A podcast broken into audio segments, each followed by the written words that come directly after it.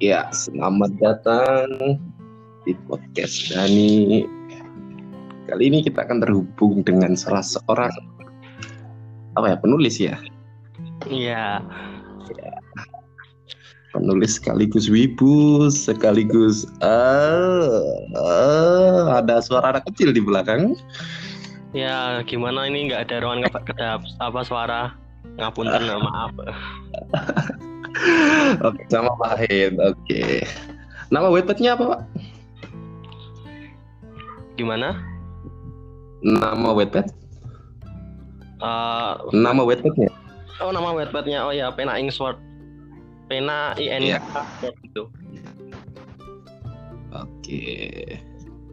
Tapi gua saya lihat di Facebook tuh kayaknya seorang bibu juga nih. Ya sejak Aduh. tahun sejak habis SMP dulu sih. Salah. Awalnya gimana Pak ceritanya bisa sampai tahu dunia perwibuan gitu?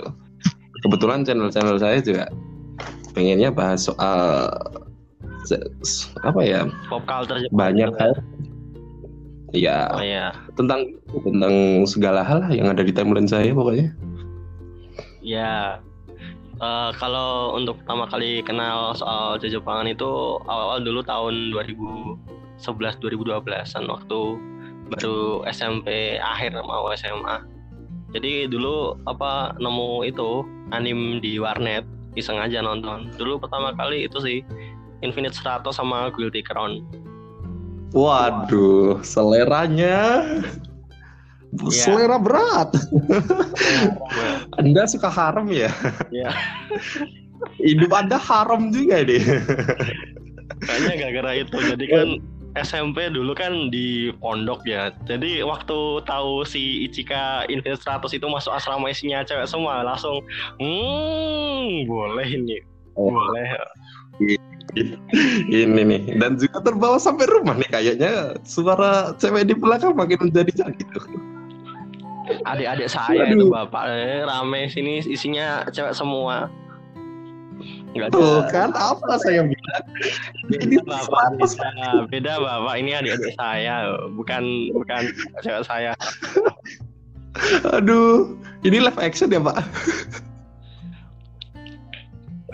anjir anjir oke oke oke kita lanjut isi dari website apa pena inverse ini sendiri gimana sih pak Iya. bisa dijelasin pak Dulu awal-awal jadi penulis kan tahun 2015 eh, SMA akhir. Dulu kan saya ngeliat apa ya mau jadi penulis kan nyari itu dulu apa fanbase dulu lah nyari pembaca.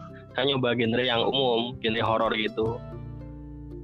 oh Terus Dan ya, apa yang buat gimana? Maaf, aku potong dulu pak. mm, Eh, ya, apa yang mutusin bapak buat eh, masuk ke horor gitu? Kan masih ada banyak genre lain kan selain horor. Mungkin ke romance atau ke yang lain kan bisa. gimana ya? Karena apa di masyarakat kita itu yang masih percaya terhadap hal-hal yang kayak unik gitulah. Jadi aku mikir ya boleh meskipun saya sebenarnya nggak ada pengalaman soal gituan, tapi ya saya baca-baca gitu. Jadi kayak eh, cerita-cerita horor yang selama ini udah ada, aku bikin ke dalam sebuah buku gitu. Jadi karakter-karakternya aku ambil.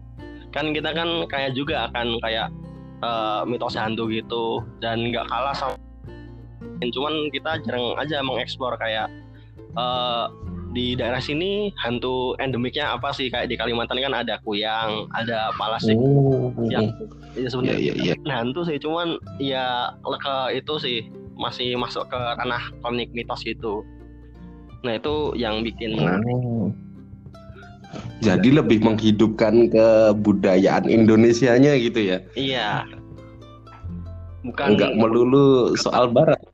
Iya, atau ke eksplorasi rasa takut nggak terlalu sih meskipun kadang eh, ngerasa novel saya serem ya karena mereka percaya hantu-hantu gitu aja. Jadi kalau buat yang apa pasar lebih inter itu butuh usaha kayak bikin tension cerita dan lain-lain tapi mereka aku kasih kayak cerita ini kuntilanak itu udah kayak takut padahal loh ini kayaknya nggak terlalu serem ya tapi ya ya udahlah Hmm. bagus sih itu ya. Dan dari semua cerita kan ceritanya di Wattpad kan banyak gitu pak. Mm-mm. Saya lihatnya banyak.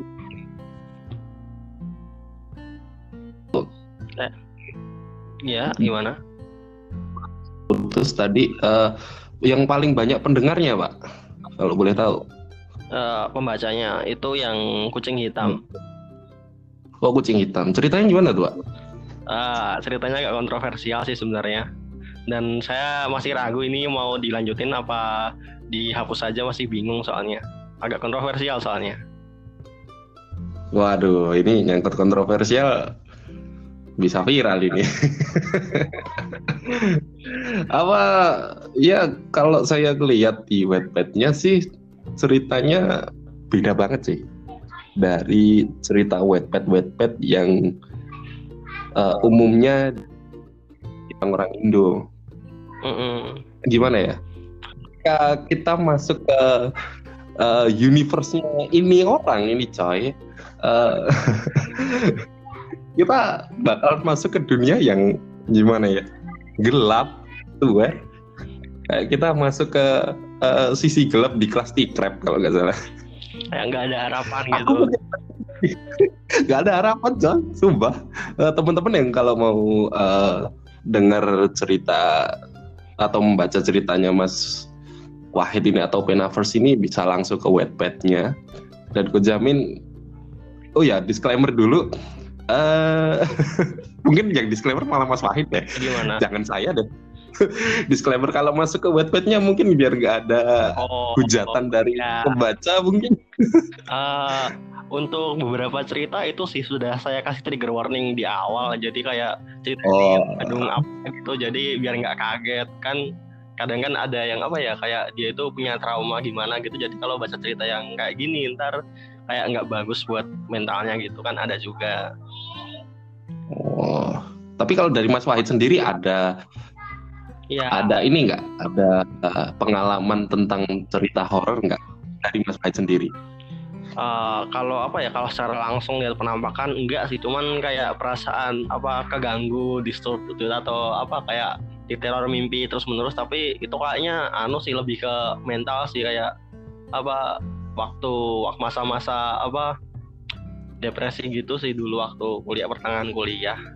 Selain itu ya cuman itu sih di apa dengar suara-suara terus gak nyaman gitu duduk di suatu tempat gitu.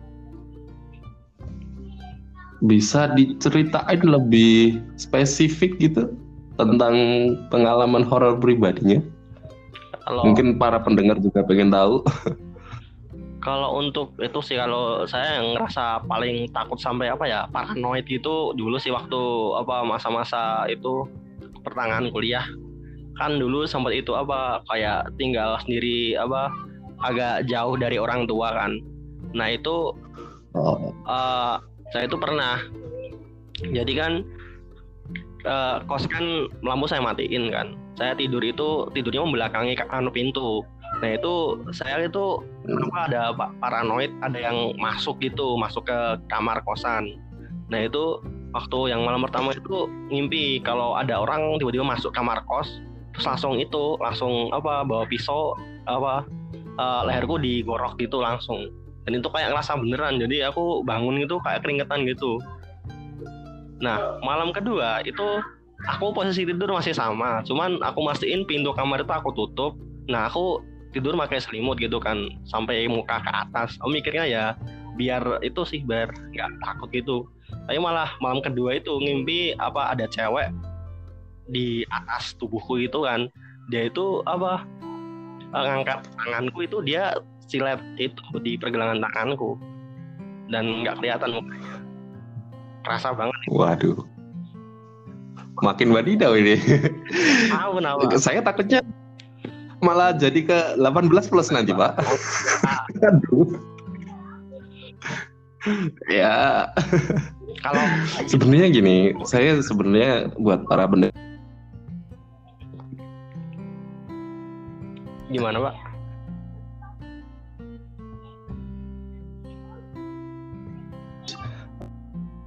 saya kan agak lama untuk para pendengar.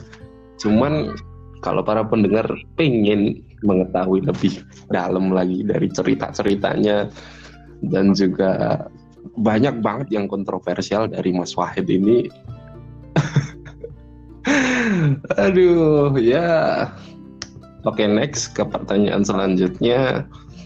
Uh, selain menulis, ada kegiatan lain kah yang uh, dikerjakan Mas Wahid untuk ngisi waktu nah, gitu? Ya, paling main game sama itu sih kadang diajak proyekan temen, kadang ada yang jadi ada yang enggak sih.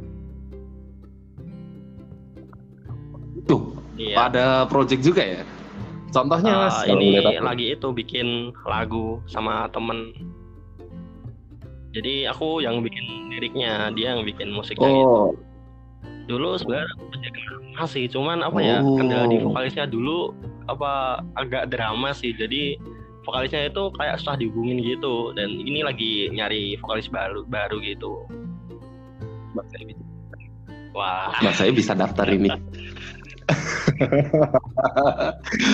Oke.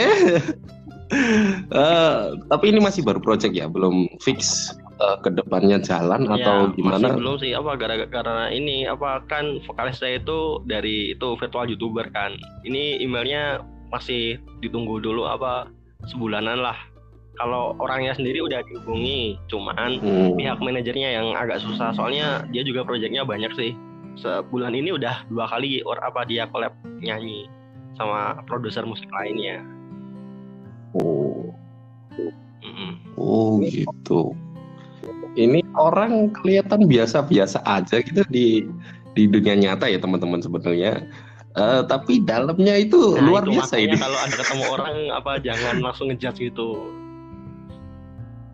Kali aja kalau kenal bisa diajak apa gitu, diajak proyekan kayak bisa bantu kerjaan oh. atau gimana itu.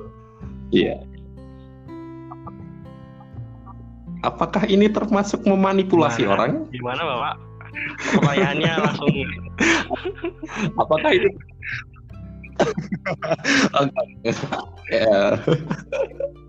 Aduh, gak, gak, gak, gak, gak, gak, nanti takutnya ya, ke arah lain. Nanti saja di next apa podcast. Oke oke oke. Kalau begitu pertanyaan selanjutnya tadi juga bahas soal game ya. Game yang sering dimainin uh, apa sih Pak? Mau apa game itu sih mobile sih mobile game sih. Tapi ini baru apa nyoba PC Dark Souls ini. Waduh, Dark Soul. Oh, bisa Emang bisa sabar Pak situ. Ini. Apa ini jadi kan apa karena saya itu apa berangkat dari player apa mobile apa mobile game saya itu grinding loh itu udah sampai level 90 padahal baru, baru desain for Fortress tuh udah level 90 ini wah tapi ternyata grinding sampai level 90 itu pun apa tetap matinya konyol nggak apa kalau jatuh? Terus apa fungsinya? Lu grinding ya, bos? biar banyak biar meskipun jatuh tetap apa nyawanya masih gitu. Ya sesederhana itukah? Uh, lu naikin level ke 90 terus tiba-tiba lu kesandung batu biar enggak terasa ya, jelas sakit gitu? Kalau apa bila di refleks maka saya baguskan pertahanan maka itu oh ini saya tahu ini. Arahnya ke mana ya mungkin mirip-mirip ke anime zaman lama itu. Zaman kemarin season berapa ya dulu itu? Defense juga itu. Wah itu itu tol sekali tapi ya ya bagus sih. Yang apa Bofurai? Oh iya Bofurai itu yang apa MC cewek di game tapi defense-nya dinaikin. Nggak bisa mati. Sasuga itu itu orangnya itu siapa itu itu Oke, okay, kalau manusia normal mungkin ya lebih ke attack ya biasanya ya. Mungkin saya sendiri kalau pakai saya juga main game.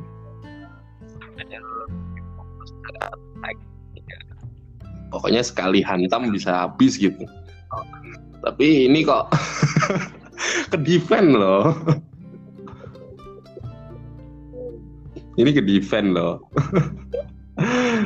Dan Enggak, ini apakah terinspirasi apa, dari emang itu juga? di apa Dark Souls Dari itu anime. yang yang apa aku suka itu karena Dark Souls itu kan nggak main game game bukan game yang mainnya cepat gitu kayak harus combo deck deck deck kayak main Honkai Honkai Impact gitu kan di Dark Souls itu asal strength-nya tinggi buat apa nyerang Oh. bagus sama defense-nya bagus ya apa masih bisa survive lah Oh gitu. Dark Souls. Selain Dark Souls, Pak, mungkin ada tipe game yang sama gitu. Mungkin kalau saya pernah Sekiro belum main sih dulu Sekiro kan gitu. apa ya itu kan itu masih masuk itunya apa Dark Souls Blood, Bloodborne belum nggak tahu itu Sekiro masih satu developer bukan itu Mungkin karena kalau ini kan eh, gameplaynya mirip sih, Pak. yang apa baru keluar kan Ghost saya- of Tsushima itu kan yang mirip Sekiro tapi beda bukan Jepang. Developernya itu sih Western tapi nggak tahu siapa.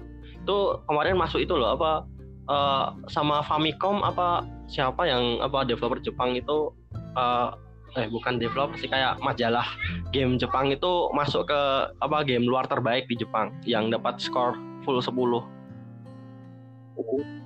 jadi tiga itu Ghost of Tsushima Oh. Skyrim sama satunya apa? Aku Tapi lupa. ya- GTA 5 ya, tiga tiga game yang ah. di apa pasar Jepang masuk banget. Hmm. Mm-mm. Tapi gini, aku pernah lihat tuh di YouTube nih ya, Pak.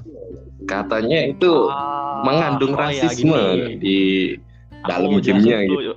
Apa jadi kan ada yang namanya cultural in appro- appropriation Iya. atau cultural apa ya? Jadi gini kayak k- kamu eh, nge-cast karakter kulit karakter orang Jepang tapi kamu cast orang Barat. Nah itu namanya cultural in, in appropriation. Ya benar. Cultural in. Oh iya benar. Hmm. Jadi Ghost of Tsushima itu kan game Hmm. yang latarnya di Jepang. Cuman developernya orang Barat. Itu yang bikin ah, nggak boleh harusnya Oh. apa kamu yang nge-cast karakternya Jepang semua. Nah, padahal orang Jepang sendiri suka sama gamenya. Jadi ini kayak apa ya? Ah, yang ngapa ngomentari Hmm. kalau ah jangan Ghost of Tsushima cultural in appro appro ah, apa sih aku lupa istilahnya. Jadi intinya ya itu sih. Kayak eh, kamu nggak bela orang cuman orang yang kamu bela itu apa nggak butuh kamu bela gitu buat kasusnya Ghost of iya. Nggak ngerasa kalau kita rasis gitu ya.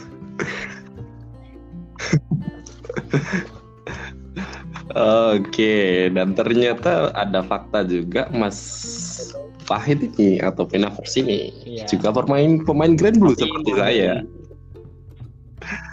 Waduh, ini nih.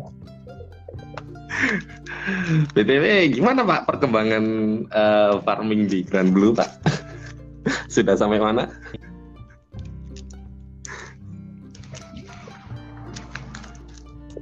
Halo. Sepertinya kita terhubung masih terhubung sama Mas Wahid. iya gimana Halo Mas Wahid. Gimana eh, grinding di Grand Blue gitu? Eh, ini baru cuma Project-nya gimana? kemarin sih sebenarnya pengen apa ngurus itu sih apa Gisla Oh. cuman apa gara-gara kebanyakan game Terus What? Gisla Saya dengar Gisla itu langsung terbersit ke mbak-mbak Niga kok pakai baju siapa renang. namanya? Kok, kok, kok, apa siapa sih namanya? Kok Lulu. Lagi Kok kok Lulu. ya Kolulu Oh, terus iya. si siapa itu itu Zui. Vagabond soalnya tiap Gisla. Gisla itu Tapi vagabond. Gis-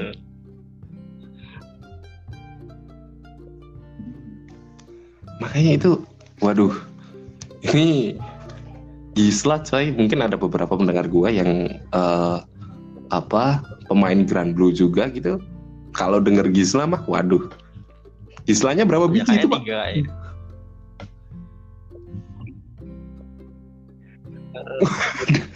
Wah, udah ini eh, mungkin ke depannya mungkin kalau jadi mah jadi Dark Lord bener gitu waduh ini calon-calon Dark Lord mungkin kalau teman-teman di luar um, belum pernah denger yang namanya Grand Blue. Share.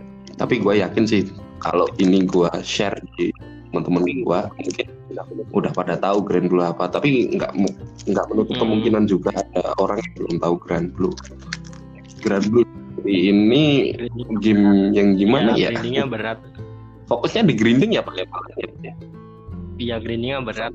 Berat gitu. Sampai. Uh, gini kalau sama yang game sebelah gimana pak? Yang itu tuh akap tujuh. Yang tujuh. Yang AK AK AKM aku nggak berani sebut aduh pak nggak berani disebut uh, yang fandomnya pak soalnya yang ganas pak orangnya. Ya, apa yang apa top better apa?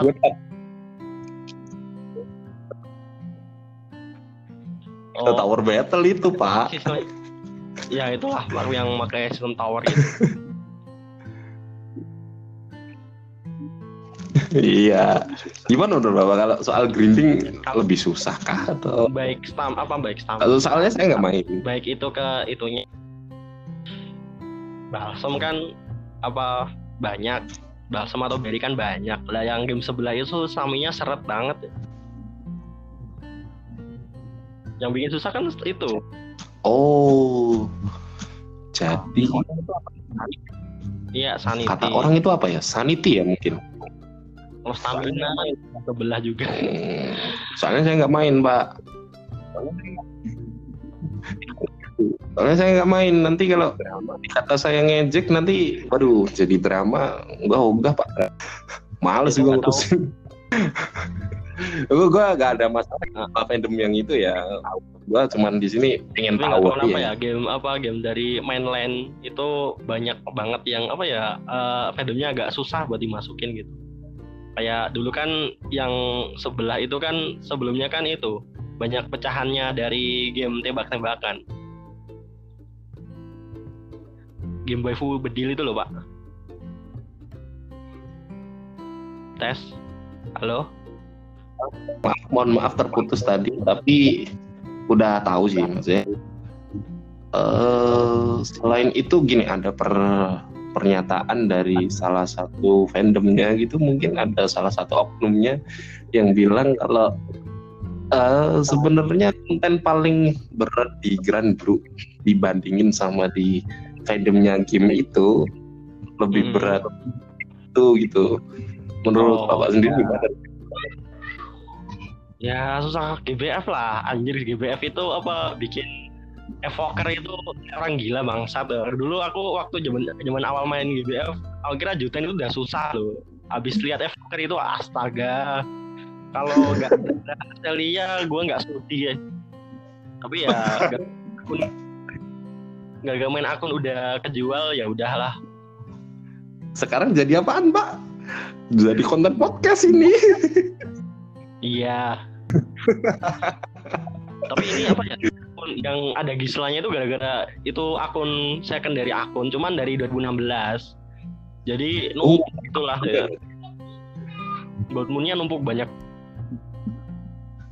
Udah berarti kalau tiga gisla mah 30 kali 3 90.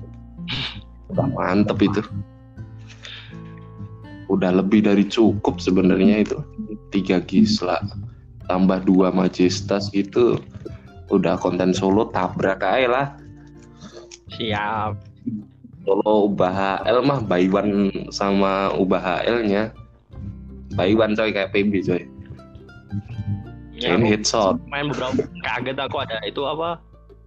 Uh, yang bikin apa? Kalau hit pointnya kecil defense-nya naik apa tadi defense Oh Garrison, Garrison ya. Itu Majestas. Ya Majestas. Ya kurang itu doang sih pak. Kalau menurut gue udah ada tiga gisla gitu ditambahin nanti pakai opus dipakai ultima. Udah sangat bagus itu nanti swear gue dulu kan sebelum itu kan NMT kayak ah, apa NMT mending main like aja gitu kan Terus yang yang jelas-jelas stamina gitu. NVT apa sih? Oh belum tahu kekuatan NVT setelah uh, Fasan datang baru diakuin itu. Oh NVT itu ternyata ternyata bagus juga NVT. langsung itu apa yang main leg langsung uh, belok belok ke jalan kegelapan. Makanya yang seperti saya bilang tadi, uh, ketika kalian kenal dengan Mas Makit ini, seperti kalian menyeberang ke sisi gelap dari Krusty Krab. Karena ya gimana ya, hidup gak melulu soal baik doang, soal terang doang, enggak sih. Tetap ada sisi sisi gelapnya orang tetap ada kan. Enggak cuma soal game ya ini, soal orang pribadi juga kan. Dan ya Tinggal disclaimer dulu aja. Uh, soalnya gini juga kan mas. Uh, kita nggak tahu di mana batas. Uh, jadi gini lebih ke arah orang berbuat baik itu infinity pak. Infinity nggak ada nggak ada batasannya kan. Kita nggak kalau berbuat baik ya apa aja bisa. Tapi sampai kita itu lupa kalau sebenarnya batas antara baik sama jelek itu yang mana itu. Mm. masih burem kan? Soalnya ya Makanya, namanya nilai itu tergantung apa kultur juga sih.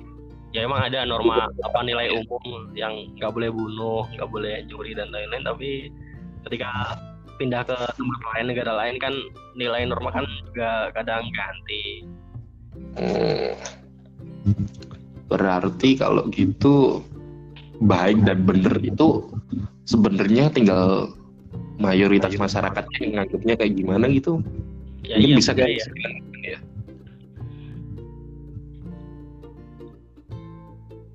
Halo. Ya tes. Ya, mungkin benar sama salah itu tergantung dari mayoritas masyarakat. Di situ nganggapnya gimana? Mungkin kayak gitu ya. Ya itu masuk ke kebenaran apa? Kebenaran umum. Kebenaran umum tapi kadang menutupi kebenaran yang sebenarnya gitu ya. Ya waduh ini gimana pak itu namanya nilai itu kayak apa konsensus masyarakat sih. Tapi kadang itu apa konsensusnya itu yang bikin yang punya kuasa terus yang bawah tinggal ngeiyain gitu. Kadang gitu juga kasusnya. Konsensus itu oh. kesempatan. Waduh, ini kalau kita terusin nanti Pak takut dengar sama orang-orang yang nggak setuju, kita dapat kasus ini nanti. Waduh iya ya, ntar apa akun buat-buatku diteror gitu ya. Oh, sama yang itu. Orang-orang nggak bener itu. Iya, udah pernah diteror juga sih, astaga. Astaga, diteror kayak gimana Pak? Diteror dalam ancaman pembunuhan?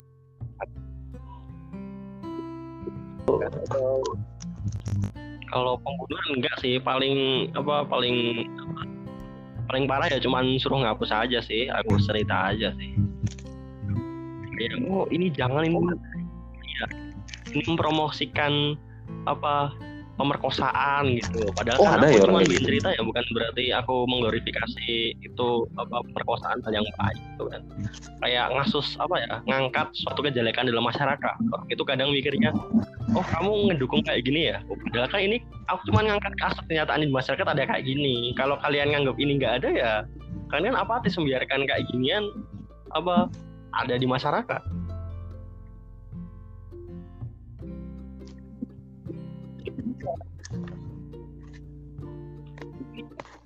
Hmm, iya juga sih ya.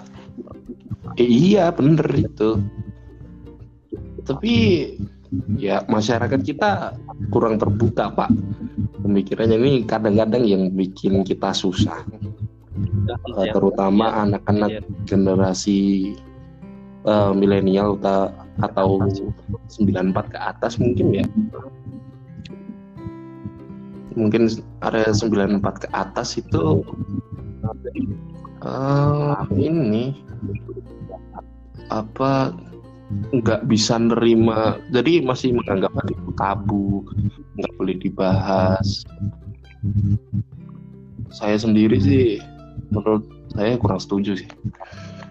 Bukan karena edgy atau gimana tapi kita nutupin kebenaran yang sebenarnya ada di masyarakat itu Atau- menurut salah kalau jelek jelek aja minta maaf selesai gitu. Kalau nggak nggak bisa nggak bisa selesai pun minimal kita bisa tahu gitu. Kalau sama itu sih kadang suatu kayak apa narasi. masalah kayak kan kalau Itu kita berita kaget. ada berita buruk kan kan otomatis jadi takut kan. Nah itu kadang narasinya itu dibikin kayak bukan sesuatu yang menakutkan. Kayak apa ya? Kayak untuk kasus pemerkosaan itu sadar nggak kalau kadang itu beritanya itu kayak apa ya seksualisasikan beritanya. Jadi orang kayak baca kayak wah apa nih? Ada kasus di sini. Ya jadi saya itu bukan orang bikin was-was khawatir. Itu malah bikin orang sange malah ya itu Iya, jadi itu Hmm, jadi gimana ya? karena Seperti cerita tapi Nah, itu kan gitu ya. informasi di mana uh, kamu itu tahu bahwa ada kasus di sini waspada dan lain-lain. Bukan malah kayak diseksualisasikan jadi konten gitu. Bukannya itu artinya lu Hmm. apa uh, bikin duit dari orang kena kasus gitu. Lu nggak bantuin dia malah apa lu jual ceritanya biar dapat apa laba. Kan tujuannya berita pemerkosaan dibikin kayak cerita dewasa gitu kan biar apa dapat laba banyak kan kayak di apa portal-portal lampu merah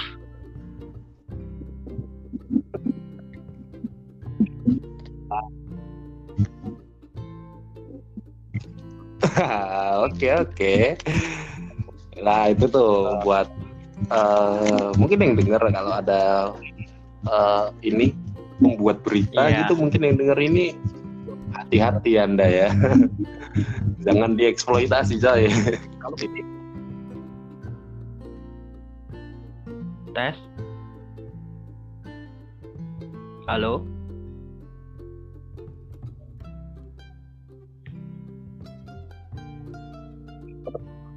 sum- Ya. Iya. Iya, Pak. Mungkin karena ini hujan di luar. Soalnya saya ngecast juga di kamar, Oh. podcast di kamar. Eh, mungkin akan kita lanjutkan di podcast selanjutnya. Masih bareng sama Mas Wahid juga. Nantinya mungkin bukan bintang tamu lagi. Kita kita bakalan collab lagi, bakalan ngorek-ngorek info lagi tentang soalnya gini, pandangan Mas Wahid ini beda sama pandangan orang lain. Yang gua harap nanti kalian denger itu jangan diterima. Kalian boleh tidak Juga. setuju, tapi jangan benci sama personalnya. Gitu sih. Kita ya mungkin kalau gini lebih menanamkan ke masyarakat itu eh kita boleh tidak setuju sama orangnya tapi jangan benci sama orangnya Hmm. setuju tidak setuju itu bukan berarti benci coy. Di situ letak toleransi kalau menurut saya sih. Bila orang itu berilah mati-matian tentang hak dia bicara. Tapi bukan berarti kita gimana ya gue bilangnya. Pokoknya gitu deh. Gue susah gue yang pertama gue satu fun fact ya gue pertama bukan orang kuliahan. Gue cuman anak STM yang nganggur sekarang nggak punya kerjaan. Daripada gue cuman nganggur gue bikin podcast. Syukur-syukur lo denger enggak juga nggak apa-apa. Iya. Eh, mungkin gitu aja untuk episode kali ini. Kita akan tutup dulu. Next time mungkin sama masih sama Mas Wahid. Terima Iya, kasih Mas Wahid. udah sudah diundang udah- ke podcast ini ngeluangin waktu sama masih di info. See you next time